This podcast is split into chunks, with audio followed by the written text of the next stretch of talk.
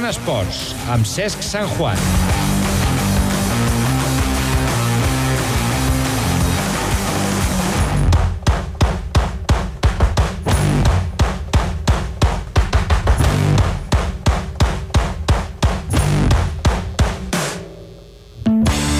En dos dies eh, comença a Buenos Aires el rally més dur del planeta. Eh, Per primera vegada, Andorra comptarà amb un pilot de motos del país. Bona tarda, benvinguts al Zona Esports.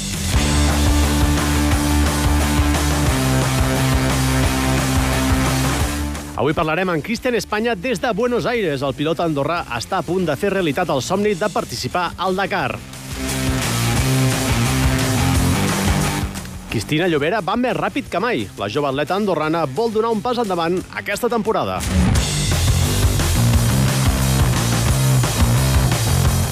Acabarem amb un home que avui té molts motius per celebrar. En el dia del seu aniversari, Richard Invernon veu el seu equip col·locat, eh, com a líder en solitari de la Lliga BCE. Ha estat un gran 2015 per al Futbol Club Santa Coloma i el 2016 comença a la mateixa línia. Ricard Porcuna, els controls, els parla C. San Juan. És 31 de desembre i això és el Zona Esport. Som-hi, comencem.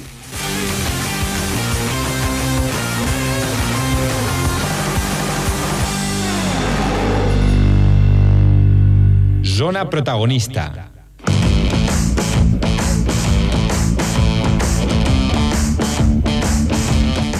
Doncs encara no hi som, eh? però estem a punt, a punt, a punt d'entrar en any olímpic i bé, els atletes del país doncs, que evidentment es posen les piles. Una de les que ho està fent i més que mm, ningú podríem dir és la Cristina Llobera, la que saludem ara mateix. Cristina, bona tarda. Hola, bona tarda. Una, un any especial, eh, el que comentàvem, eh, perquè realment eh, intentes donar un pas endavant. De fet, les teves marques ja ho estan demostrant, però sobretot doncs, amb aquesta iniciativa que has tingut de, de marxar eh, cap a Anglaterra doncs, per gai- gairebé viure un any, eh, diguéssim, professional no? dintre del món de l'atletisme. Eh, sí, bueno, he començat ara al setembre aquesta estada a Anglaterra.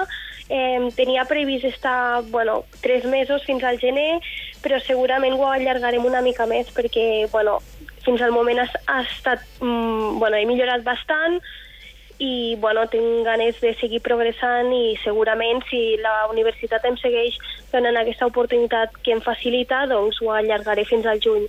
Uh -huh. Així dius que notes ja, eh, has notat ja millora. En, en quins aspectes creus que has pogut eh, evolucionar amb aquests dies, amb aquests mesos que has estat a Londres? Sobretot físicament, eh, bueno, eh, he canviat bastant i a nivell tècnic també s'han centrat molt en la meva tècnica perquè bueno, tenia bastantes coses que millorar, sobretot en les fases d'acceleració he millorat molt, bastant i, i el físic, bueno, és que la nostra estructura cada dia, bueno, entrenem 6 hores i el físic és d'un... és, bueno, practiquem bà- bàsicament cada dia el físic i s'ha notat bastant, bastant millora perquè el, la potència es nota i la freqüència també. Uh -huh. Tu, Cristina, ja ets plu- plusmarquista andorrana dels 100 metres llisos. Amb tot, tu mires més, més enllà, no?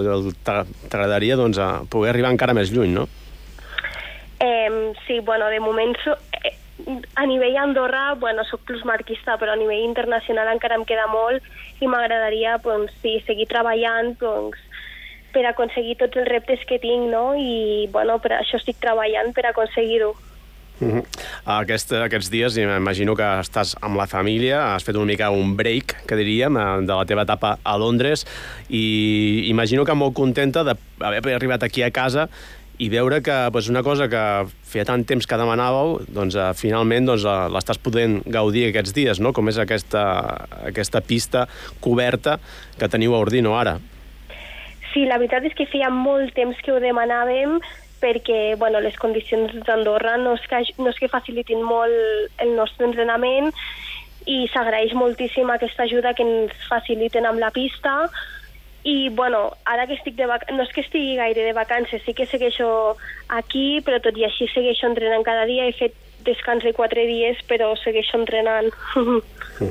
El, el 2012, sé que, que només tenies 15 anys i vas debutar ja a Londres en els Jocs Olímpics. Eh, I després, potser, t'has apartat una mica, imagino que per tema d'estudis, eh, estàs en una edat que imagino que els estudis però també és una prioritat, i, i, i explica'ns una mica per què aquest any doncs, has pres aquesta decisió de, de, de fer un pas endavant, tot i que encara estàs estudiant, però intentar doncs, allò, rascar temps d'on puguis i compaginar els estudis i, i, i què busques a, a, amb, amb, aquesta, amb aquesta estada a Londres, on, on t'agradaria arribar?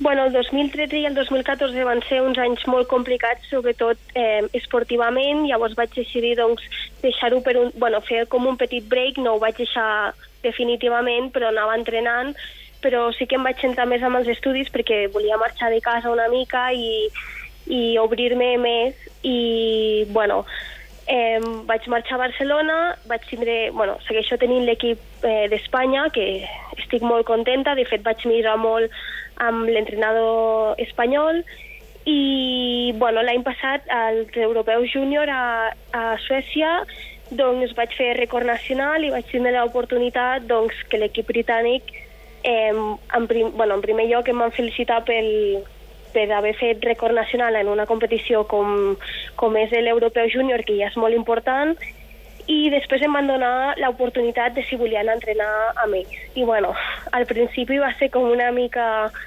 Eh, bueno, els meus pares em deien, Cristina, tens pajaritos al cap, al cap, així que oblida't d'això, però sí que després doncs, vaig tenir una reunió amb la universitat i m'ho van poder facilitar perquè tinc un programa del rendiment i bueno, tot ha sigut una mica de pressa, però bàsicament el que tracto és d'aconseguir tots els meus reptes i, i aquesta oportunitat doncs, no me la podia perdre i doncs vaig dir, bueno, són oportunitats i experiències que et dona la vida, així que no te la pots perdre, així que endavant. I mira, sincerament, soc, bueno, noto que sóc molt valenta d'haver fet això perquè sempre he estat com molt a casa, no? I sortir també m'ha ajudat molt, eh, perquè m'ajuda a ser més madura i més, bueno, a tot, m'ha ajudat bastant. Imagino que aquest any eh, especial eh, que, estàs, eh, que estàs fent ara mateix, no, sé, no sé si és realment un objectiu o, o l'únic objectiu, imagino que hi ha molts d'altres, però sí que eh, imagino que et sedueix molt la idea de que entrem en un any olímpic, ja en els Jocs de Rio, i encara que sigui a l'horitzó, imagino que t'encantaria tornar ara, quatre anys més tard, pues, amb 19 anys, on potser tot es veurà força diferent, no? Sí, la veritat que sí, que tens molta raó perquè eh, seguríssim que es veu diferent. Hi ha una gran diferència de 4 anys, de quan tens 15 anys a 19, que ja has viscut moltes més experiències i sobretot a nivell esportivament perquè doncs, durant aquest 4, aquests 4 anys he viscut bastantes més coses. Aleshores, eh, bueno, sí, sí que... Bueno, no sé. uh, és un objectiu, però amb pas a pas, no, diguéssim? Sí, sí, pas a pas. O sigui, primer eh, tinc objectius més importants. El, els jocs, òbviament, que és a l'horitzó i és un objectiu que tinc en ment, òbviament. Però, a part d'aquests, a banda de, dels jocs, tinc el campionat del Mediterrani, que si fem una bona temporada, doncs doncs pot sortir bé i també tenim els europeus absoluts i després aquest any s'ha incorporat una nova carrera, bueno, competició, que és amb els petits estats que es fa a Malta i també doncs, és un dels objectius que tenim. A més que és, és complicat, eh? potser seria una mica injust, no? perquè per exemple ara eh, tens una companya i, i, i la rivalitat a vegades en el món de l'esport és molt bona, eh? perquè la, la, la Clàudia, Clàudia Uri, doncs que també és una gran atleta i sem semblaria ser que segurament només hi haurà possibilitat de, de tenir una wildcard femenina pues, per anar a aquests Jocs de Rio. Uh, com vius aquesta, com viviu vosaltres aquesta rivalitat sana, no? que ha de ser sana i també ha de servir pues, per uh, millorar al màxim els vostres resultats, tant l'una com l'altra, i al final pues, imagino que anirà la millor, no? I no sé si, per exemple, Fanny Sebast Sebastián també tenia opcions d'anar-hi. Eh, bueno, sí, sempre he sigut una persona molt competitiva jo i la veritat que sí que amb l'equip d'Andorra sempre hi ha hagut molta pressió, doncs, perquè és un, és un país petit i bueno, doncs amb l'esforç sempre pots arribar amb, amb competicions internacionals bastant importants. I bueno, la, la pressió que hi ha, jo la veritat és que no... Um, bueno, ara que estic a Anglaterra no és que la visqui gaire, sí que suposo que elles estan eh, juntes entrenant suposo que deu ser diferent, però jo de moment no sé, pas, pas a pas tot i a poc a poc i bona lletra, no? com aquell que diu. Jo de moment faig el que m'agrada, eh, ho visc bé, disfruto, que és el més important, i ja quan sigui el moment suposo que ja em pressionaré més. Ho portava la família, això de competir, eh, del teu pare, tot plegat, una mica pues, t'ha influït de manera important o no? Eh, sí, bueno, des de petita que he fet molt, molt esport, els meus pares, tant la meva mare com el meu pare, m'han inculcat molt aquest esperit eh, competitiu. I sí, la veritat que eh, sóc bastant competitiva i de fet m'agrada molt ser, ser, ser competitiva. Uh -huh. Així que sí, me l'han passat. Imagino que, no, no sé, us fa patir més del compte, eh, el teu pare, que com veus aquesta aventura aquesta vegada a sobre d'un camió? Bueno, és que el meu pare és una mica aventurer, no? O sigui, per, per fer això amb camió i només haver-lo provat de Roma a París, doncs em sembla una mica atrevit, no?, el tema, però bueno, ja és, ja és típic d'Albert Llover a fer aquestes aventures, així que no em sorprèn, però bueno, jo li desitjo, la, li desitjo la millor sort, segur que al principi ja és conscient que li costarà molt, perquè, bueno, hi ha una mica de problemes amb els frens i amb l'embrague, m'ha explicat avui, però bueno, ja, avui ja s'han ficat una mica més les piles per intentar arreglar-ho i començar amb bon peu la carrera. Doncs estarem molt pendents de l'Albert i també de tu, Cristina, que bé, aquest cap de setmana passat ja, ja vas baixar la marca en els 60 metres i ben segur que continuaràs baixant també la del 100. Que vagin molt bé aquests entrenaments, tant aquí a Andorra com a Londres, i seguirem parlant al llarg de la temporada. Moltes gràcies, Cristina, i bon any. Moltes gràcies, Cesc, t'ho agraeixo molt, eh? Un petó i bon any. Adéu-siau. Adéu, adéu. Zona Tècnics.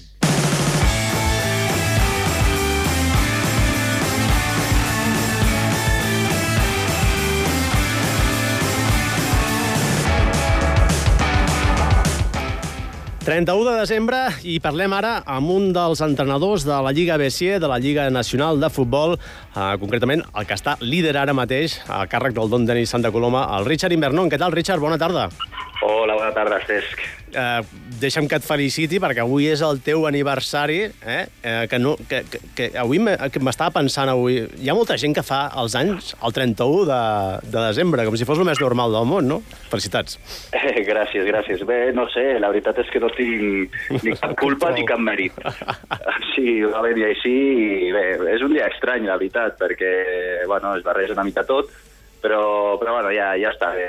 Així eh, vagi com vagi la vida, el teu cumple sempre és un dia especial. A més, tens la sort que per, per poques hores ets del 74, tens aquesta gran sort.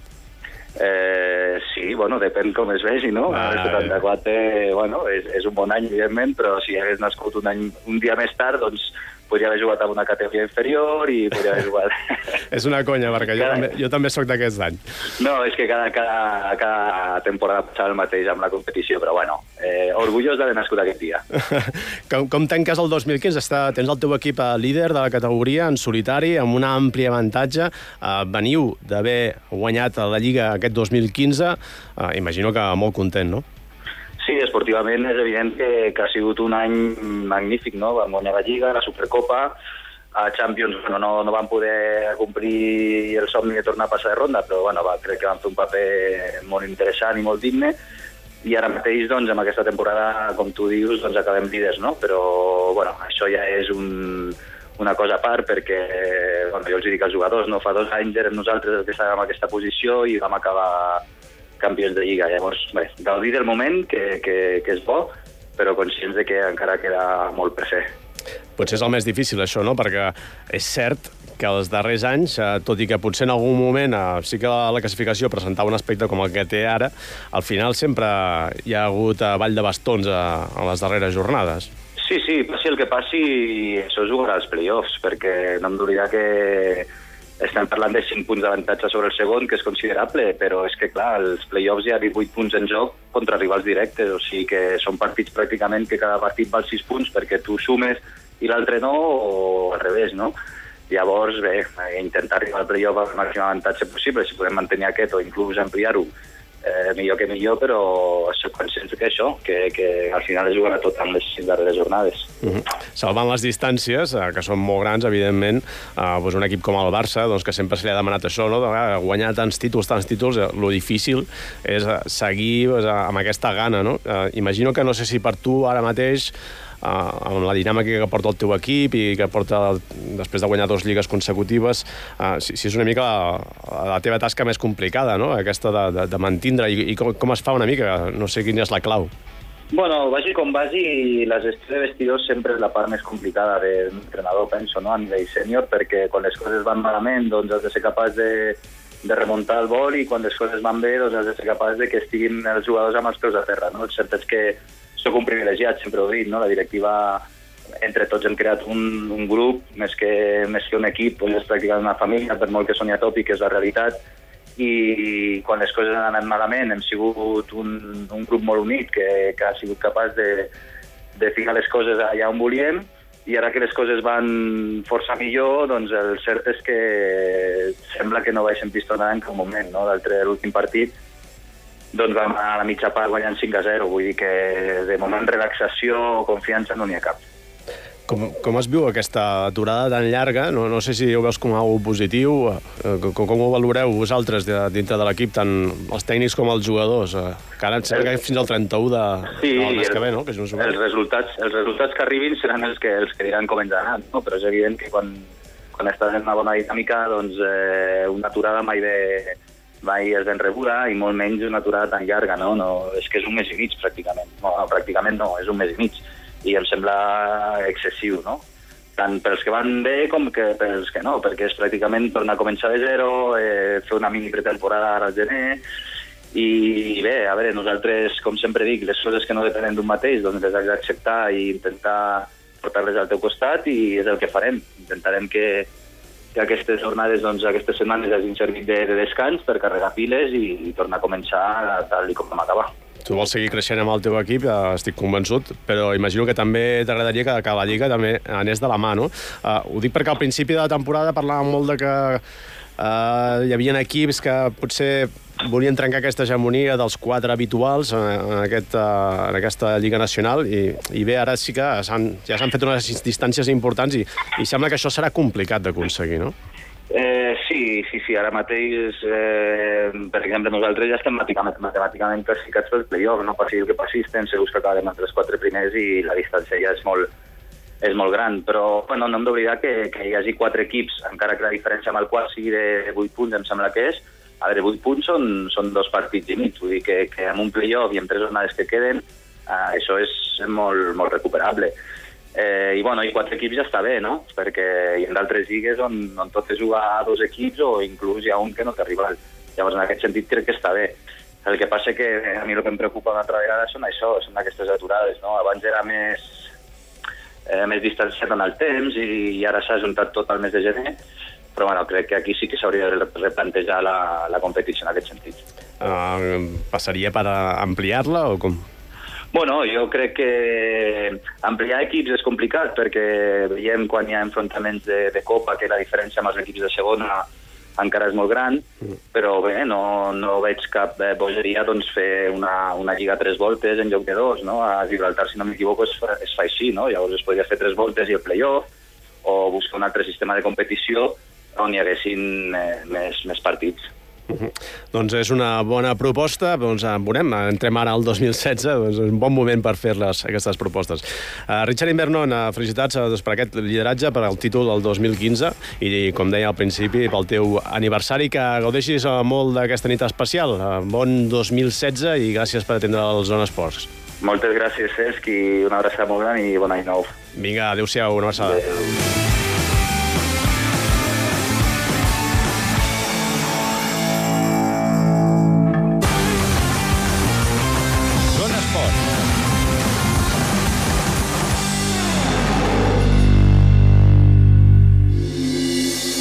Actualitat. Informació. Entreteniment. Opinió. Esports. Cultura. I la millor música. Ràdio Nacional d'Andorra. On si no. Tots tenim una cançó que ens recorda algun moment especial o que ens transporta a un estat d'ànim determinat. Ràdio Nacional d'Andorra et vol regalar aquests instants i a Miscel·lània Musical intentarem aconseguir-ho. No et perdis la selecció musical que l'Adrià Mateu ens aportarà amb el més destacat dels anys 50, 60, 70, 80 i 90. De dilluns a dijous, de 9 a 10 de la nit, tens una cita amb la banda sonora de la teva vida a Miscel·lània Musical, a Ràdio Nacional d'Andorra.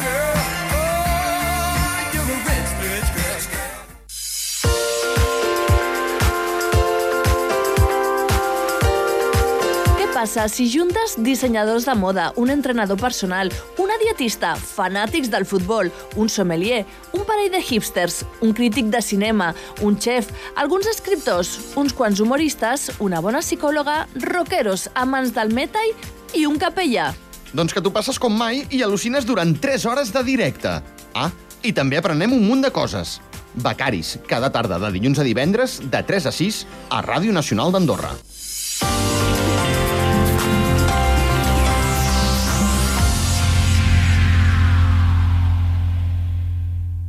Becaris, amb Xavi Albert i Mary Picard. Ràdio Nacional d'Andorra. Bon Nadal.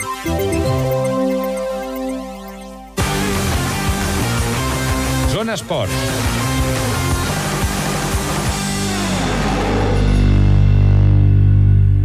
Zona Actualitat. Sembla que les distàncies eh, transoceàniques se'ns resisteixen i aquesta vegada eh, de moment no és possible contactar amb Cristian Espanya. Eh, tenim un telèfon argentí i així ho estem intentant, però de moment no és possible. Ho seguirem provant. A veure si abans que acabi el programa podem contactar amb el pilot andorrà. Avui he passat eh, per la zona mixta. Uh, estem parlant ara del Morabanc Andorra. Recordem, l'equip, que per primera vegada afronta aquesta setmana amb un balanç positiu de victòries i derrotes. Això no passava en tota aquesta nova era a la Lliga ACB. Tenim 7 victòries, 6 derrotes. El Morabanc Andorra en sisena posició dintre d'aquest eh, play-off, eh, dintre d'aquesta classificació per disputar la Copa del Rei a La Corunya. Recordem que es classifiquen els 8 eh, primers classificats, però l'Obradoiro, que justament és el nostre proper rival, ja està classificat com a com a organitzador d'aquesta Copa del Rei i, per tant, ara mateix serien només els set primers els que passarien a aquesta Copa del Rei i entre ells, ara mateix, hi ha el Morabanc Andorra. Amb tot, encara queden quatre jornades i bé, no serà gens fàcil doncs, aconseguir mantindre aquesta posició privilegiada tenint en compte que el calendari, de veritat, és, la veritat és que no és gens fàcil eh, i és que visitem aquest diumenge la pista d'Obradoiro, una de les pistes eh, més complicades eh, de la Lliga ACB. Després ens rep el, ai, rebem el, el València, aquí al Poliesportiu d'Andorra, un equip, eh, l'únic equip que no ha perdut cap partit en tot el que portem de Lliga Endesa. Després, a un partit, entre cometes, una mica més senzill, contra el cartosè classificat, el Baloncesto Sevilla, i acabaríem eh, aquesta primera volta davant d'un altre rival, d'un altre os dur, eh, com és el Laboral Cutxa Bascònia, el quart classificat amb 10 victòries i 3 derrotes. No és un calendari fàcil, però bé, la veritat és que els deures fins ara ja s'han fet i eh, sembla que estem en la línia de poder aconseguir aquesta autèntica gesta que seria en aquesta segon any a l'ACB doncs, aconseguir entrar entre els vuit primers al final de la primera volta. Com dèiem, avui per zona mixta ha passat eh, Betinho. Una de les primeres coses que se li ha preguntat és això, que l'equip, eh, si s'esperaven, no?, pues, estar en aquestes alçades, acabar el 2015 amb l'equip situat en la sisena plaça i amb el balanç positiu de victòries i, i derrotes. Això és el que deia el jugador portuguès. Tanto yo como mis compañeros nunca lo imaginábamos, pero esto es la consecuencia del trabajo que estamos haciendo. Uh, cada entreno estamos entrenando muy bien, los partidos aún más y, y el resultado es esto, estar en una posición bastante confortable. Com és habitual, eh, és una mica la norma dintre el club, doncs eh, no pensen gaire en la Copa del Rei. Eh? Intenten no plantejar el partit pensant en aquesta Copa. No hay que pensar en eso, hay que pensar en, en ganar y hacer un buen partido. Y sabemos que Obrador va a ser muy complicado porque es uno de los equipos más difíciles de la liga, jugando en casa. Pero Obrador ahora mismo está pasando por un momento un poco difícil y vamos a intentar aprovechar esto en nuestro favor y intentar sacar una buena victoria. com no podia ser d'una altra manera en aquestes dates, se li ha demanat també a Betinho quins són els desitjos de cara al 2016. Que sea mejor que, que 2015, ¿no? Y seguir ganando y uh, poder lograr algo más, más grande. Doncs bé, aquestes eren les paraules de Betinho, que avui, com dèiem, havia passat per zona mixta. I recordem, aquest partit eh, transcendental, eh, sobretot en el sentit de que, eh, francament, si s'aconseguís la victòria a la pista d'Obradoiro, a Santiago de Compostela, la veritat és que tindria molt coll avall el tema de la Copa del Rei. El partit diumenge a les 6 de la tarda, un horari poc habitual i, com sempre, en directe per Ràdio Nacional d'Andorra. Bé, nosaltres eh, ja avui és un dia especial, som 31 de desembre i bé, ja també és hora de que nosaltres ens anem cap a fer algun sopar, algun raïm, alguna copa de cava i els desitgem el mateix a vostès, que disfrutin d'aquesta nit, que gaudeixin al màxim i nosaltres es tornarem dilluns que ve, ja serà el 2016. Bon any i una abraçada. Adéu-siau.